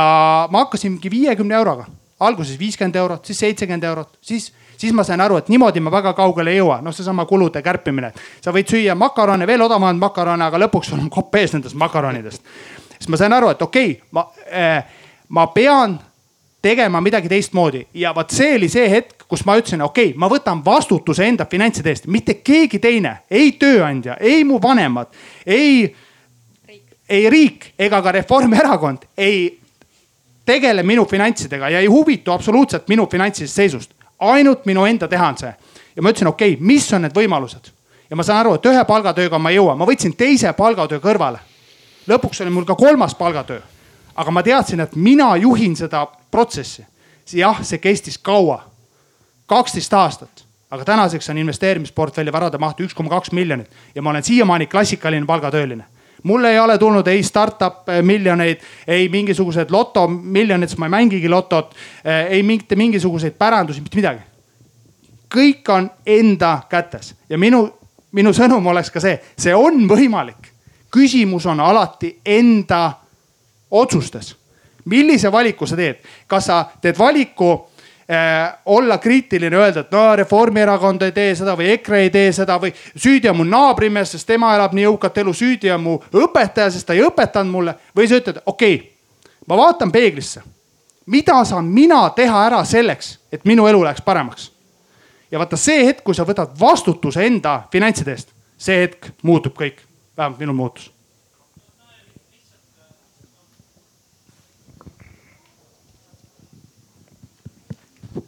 aga see ei olegi lihtne, see ei ole lihtne, see on selge. aga, aga no ses suhtes on, on inimesi ja kes, kes ei ela nii palgapäevast palgapäevani. Ja ma lihtsalt ütlen, et on, on küllaga inimesi, kes elavad. Ja, ja nendel nagu see, see, et aa ah, ja lihtsalt oh, investeeri aktsiatesse niimoodi, et see kõlab kõik hästi, aga see praktikas enamikel see lihtsalt ei ole isegi äh, unistus et äh, ma võin ka kommenteerida, et, äh, et äh, me ju tegelikult kõik alustasime enam-vähem või noh, meie põlvkond sellest, et said oma rublad vahetada saja, sajaks krooniks või midagi säärast ja sealt hakkas kõigil pihta. aga enne Kristjan mainis, et ta tegi kolm töökohta korraga ja, ja, ja kui ma USA-s käisin raamatuid müümas, ma nägin ka, et inimestel oli täitsa sageli kaks või kolm tööd, et ma ei ütle, et see nüüd tore on ja, ja kindlasti kui valida on, siis ei tahaks mitut tööd teha, aga et kes teeb palgapäevast palgapäevani tööd, et siis minge nädalavahetusel kellegi juurde koristajaks. saate sealt äh, lisaraha, selle raha eest saate maksta oma esimesed mingid äh, kas äh, varasemalt võetud laenud või äh, maksta need ära või hakatagi investeerima ähm,. et äh, me üritame neid, üritasime endale koristajat leida, alla saja euro leida kedagi koristama oli peaaegu või noh, väga raske, et, et see on sihuke nagu käärid, et ühelt poolt on tohutu seltskond inimesi, kes saab hästi väikest palka, teiselt poolt on jube raske leida kedagi appi endale mingit kodutöid tegema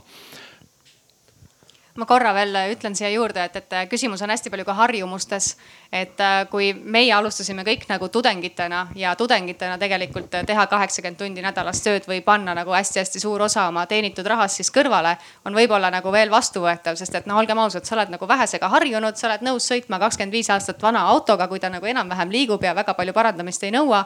aga kui sa oled neljakümne aastane, sul on kolm last, sul on mingid sisseharjunud mustrid, sa tunned nädalavahetuseks, et sa oled tühi nagu sidrumine, sa ei taha minna Jaagu kodu koristama, onju. et siis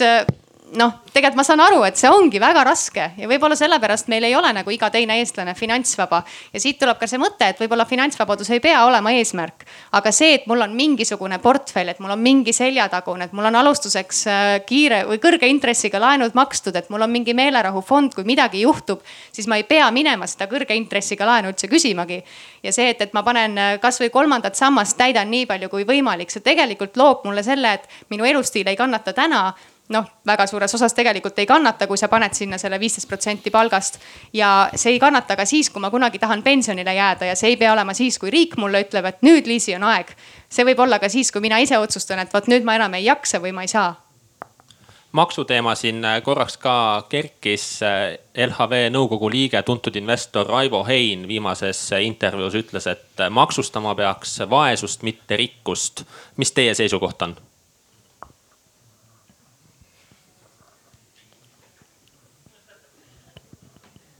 No tegelikult vaesust maksustataksegi et kui aus olla, siis kõige karmimalt on ju maksustatud alkohol, tubakas ja, ja kogu loterii ja see äh,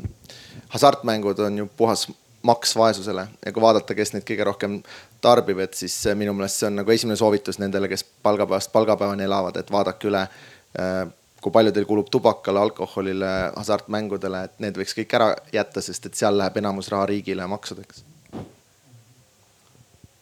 jah, nõus, et tegelikult niikuinii ebaproportsionaalselt suur osa äh, ütleme siis alla keskmise sissetulekutega inimestest läheb aktsiisideks, erinevateks maksudeks. ja noh, ma, ma saan aru, et mittesuitsetajana mul on väga lihtne seda äh, öelda, et selle asemel, et osta suitsu, osta Philip Morrise aktsiaid, äh, jõuad, saad palju paremaid dividende, säästad veel ka tervist, aga noh, ütleme siis võib-olla teine asi, et selle asemel, et osta lotopileteid, võiks siis osta näiteks, ma ei tea, kas äh, mängu, ma ei tea, hasartmängu äh, ettevõtte aktsiaid. et äh, maja võidab alati ja kui sa oled see nii-öelda üks osa majast, siis saad sina ka sellest väikese osa. et jah, ma võib-olla nii kardinaalselt ei sõnastaks seda nagu Raivo Hein ja ma arvan, et see võib-olla ajakirjandus natuke keeras vinti üle ka. aga, aga noh, seal on oma idee olemas jah, ma olen ka nagu nõus, et, et seal on tegelikult ju idee taga ja mis siia juurde nagu veel tuleb, et need inimesed, kes tegelikult akumuleerivad oma varandust, kasvatavad, investeerivad seda kas läbi ettevõtluse või läbi erinevate finantsvarade. tegelikult nemad leiavad ka neid võimalusi, kuidas mitte maksudest kõrvale hiilida, vaid kuidas makse optimeerida, kuidas investeerida tegelikult maksude eelset raha, mitte maksude järgset raha, mis on ju natukene väikesem summa et selles mõttes see teadmiste, oskuste kasvatamine on nagu siinjuures nagu võrdselt oluline. Publiku küsimus. tere, mul on äh, selline küsimus, et siin on korra, korduvalt räägitud vabadusest ja sõltumatusest. et äh, noh, võib-olla see on veidi küüniline on ju, eks. aga kui mul ei ole autot, siis ma ei pea muretsema, et keegi selle ära varastab. kui mul ei ole maja, ma ei pea muretsema, et see maha põleb et noh, siin korra alguses mainiti seda, seda kerjust on ju, et kerju, kerjus on ka vaba, on ju. et ma tahtsingi nagu küsida, et kui palju te tunnete, et ikkagi see vara, mis te olete kogunud, noh, mingis mõttes ikkagi noh, ma ei tea, on nagu niisuguseks äh, ahelaks teile, eks, et teil on see täiendav mureallikas. siin on see asi, mille eest ma pean hoolitsema võib-olla rohkem kui siis, kui ma olen äh, palgatööline siin on tegelikult seesama võimalus, et ma võin ju kõik lükata sinna madalate tasudega äh, sellisesse laiapõhjalisse indeksfondi ja siis ma ei muretse enam eriti millegi pärast, et ma vaatan, kuidas kogu majandus kasvab ja, ja lihtsalt nii ongi, aga. aga ma usun, et meie jutus tegelikult peegeldus ka palju läbi see, et, et me ei tee, me ei investeeri sellepärast, et see oleks kuidagi nagu töö et vastupidi, see on nagu hobi, see on põnev, see on äh, midagi, mida õhtul mehega nagu teleka ees nagu arutada. et see tegelikult lisab nagu värvi elule, et vastupidi, et mina isiklikult küll seda kuidagi koormana ei näe ja ma selle mõttekäigust saan täitsa aru ja ma olen ka sõpradega saunas filosofeerinud päris palju ühe ja teise nurga alt ja äh, jah, ma olen nõus sellega, et kui aktiivselt tegeleda sellega, siis see on nagu ekstra töö aga nüüd ongi küsimus, et eh, noh, see on võimalik ka passiivseks teha, aga teise poole pealt minu jaoks see hüve kaalub eh, üle selle noh, võtame seda siis väikse kohustuse. just nimelt see, see, selles kontekstis, et kui ma elaks palgapäevast palgapäevani, siis mul ei oleks võimalik teha sellist otsust. okei okay,, et ma soovin, et eh, ma ei taha enam tolmuimeja, ma võtan robottolmuimeja ma lähen lihtsalt poodi ostan ära, ma üldse ei mõtlegi selle peale, palju see maksab või et äh, muruniiduk, ma ei taha muru niita pool tundi äh,. ma selle poole tunniga parem äh, mängin lapsega jalgpalli, võtan robot muruniiduki. ma ei pea mõtlema selle peale, et kas ta nüüd maksab tuhat ükssada eurot või maksab ta viissada eurot või on kolmsada eurot. suhtes, see on nii-öelda suhteliselt väikene kulu ja vaata see kapital annabki võimaluse neid nii-öelda olme probleeme või olmeteemasid laualt maha võtta. ei, ei, ei ole seda küsimust, sa lähed restorani, mõtled, et vaatad, et kaasa võtab seal kõige kallima veini, jutt käib süda, rinnust läbi. see läheb nüüd paljuks.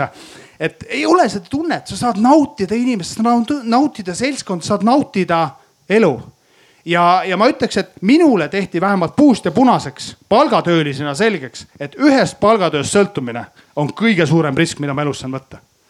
ma olen nõus, et äh, majandustsükli tõusufaasis äh, seda paljudega ei juhtu, aga majandustsükli langusfaasis, kui te, kui te teete ainult ühte palgatööd, ükskõik mis valdkonnas te ekspert olete.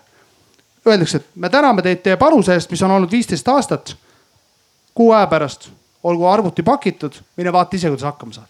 mis tunne teil läbi käib seal? kui see tunne ei ole hea, siis praegu on aeg hakata tegutsema. Äh, jah selles mõttes ma arvan, et see, see küsimus pigem äh, võib kohale jõuda siis, kui seda vara on nagu rohkem hinge taga, et, et, et ähm, väga rikastel inimestel, ma kujutan ette, on kogu aeg see mure, et ähm, röövitakse su laps ära, hakatakse mingit lunaraha nõudma või, või pead kogu aeg ähm, maksude, maksujuristidega vaidlema ja nii edasi, aga see, et sul on selline igapäevakulud tagatud ja sul on mingi rahaline puhver, et ma arvan, see pigem tõesti annab vabadust juurde, kui, kui seda ära võtab lõpetuseks veel, enne kui lähmegi publiku küsimuste juurde, ma ei üks, oleks. seal on küsimus veel jah, tuleb kohe. viimane küsimus, äh, kindlustusühistu üks aastapool minu nimi, et äh, kasutan äh, võimalust nõu küsida siis, et, et kui nüüd riik ei ole veel viimast maksurahana ära võtnud, et, et midagi on veel alles, et, et mida siis algaja investor nüüd, mis varaklassi peale peaks siis ikkagi nagu pöörama oma pilgu, et, et nüüd Ameerika Ühendriikides hetkel on räägitud äh, küll jah, et, et siin Standard Poor's, Nasdaq teevad siin ajaloolisi rekordeid. samal ajal eelmine üle maailma majanduskriis sai sealt justkui alguse, kui me jätame selle eelmise aasta märtsi jõnksaga praegu kõrvale siin et äh, rahatrükk on äh, massiivne, enamus inimesi ei suuda tajudagi, mis tähendab triljon, triljon, mitme kaupa trükitakse juurde. paljud analüütikud arvavad, et, äh, et äh, kogu see aktsiaturg on mullis ja kui sealt pauk lahti läheb, siis kukub kõik muu, kogu maailm muu ümber ka äh, pikali siis. eks, et samal ajal meil siin enda toredal kodumaal Hansa, Hansapanga kindlustus näitab aastaid viiskümmend kuus, viiskümmend seitse protsenti omakapitali tootlust. et kui nüüd nagu seda vaadata, enne sõda oli circa nelikümmend protsenti kindlustusturust oli ühistuliste seltside käes Eestis ja, ka mujal arenenud maailmas, täna null. nüüd on meil siin äh, uus tore ühistuline kindlustusselts Eesti äh, turule tulemas, kindlustusühistu üks ja küsimus pigem ongi, et kus see tuleb, liigub praegu täpselt selle tuleva tuules ilusasti, et, et kas, kas ma tegin õige otsuse, et ma sinna investeerisin või ma peaksin suunama mingitele äh, aktsiaturgudele või hoopis vaatama siis teisi varaklasse ja aitäh ähm,. väga hea küsimus, et ma olen ise ka üks tuleva asutajatest, et äh, ma olen selle teie ettevõtmist ka natuke uurinud ja mõelnud, kas sinna investeerida või mitte, et äh, tuleva edu suur nii-öelda mitte saladus, aga see, mis tagas tuleva edu, oli see, et seal oli algusest peale kaasatud äh, noh, sellised nimed, mis nagu hästi palju usaldust lõid, et seal olid ju Wise'i asutajad ja, ja ma ei tea, kümneid, kümneid inimesi, kes, kes selles omas valdkonnas olid nagu ma arvan hästi suure usaldusega. et, et minu jaoks peamine mure selle kindlustusühistu taga on see, et, et seal ei ole nagu sellist nii suurt jõudu veel taga, et isegi selle osakapitali kokkuvõtmine on nii kaua aega võtnud teil. et minu meelest teil tuleks äh, selle tulevaga kapid üh, või leivad ühte kappi panna, kasutada seda olemasolevat struktuuri ja kogu seda know-how'd ja seda vaeva, mis sinna Tõnu juhtimisel on aastaid pandud ära. et tegelikult tulevas on ka arutatud seda, et miks meil ei võiks olla kindlustus ja päris paljud äh, tuleva liikmed on ka uurinud seda, et võiks olla vähemasti elukindlustus, et äh, seal on tõesti röögatud nagu käärid selle vahel, mida eestlastele pakutakse ja mida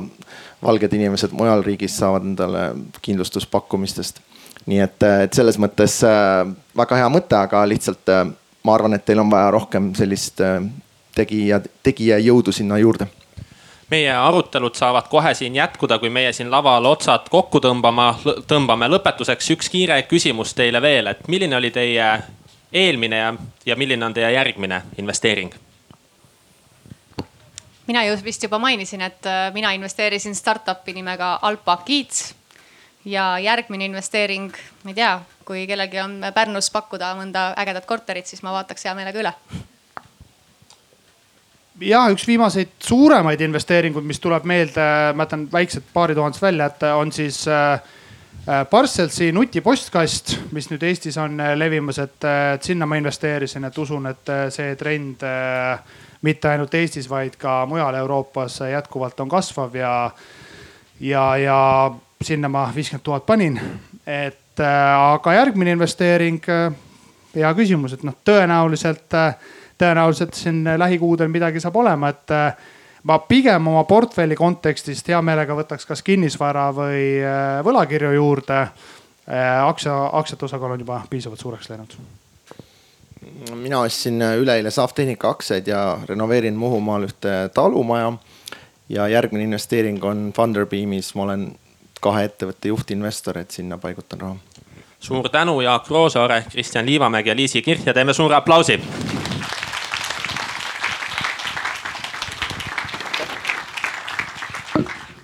ja mina omalt poolt äh, tänan, kes saab, siis saab panelistidelt veel võib-olla nööbilt, nööbist kinni võtta ja soovin teile kõigile edukaid investeeringuid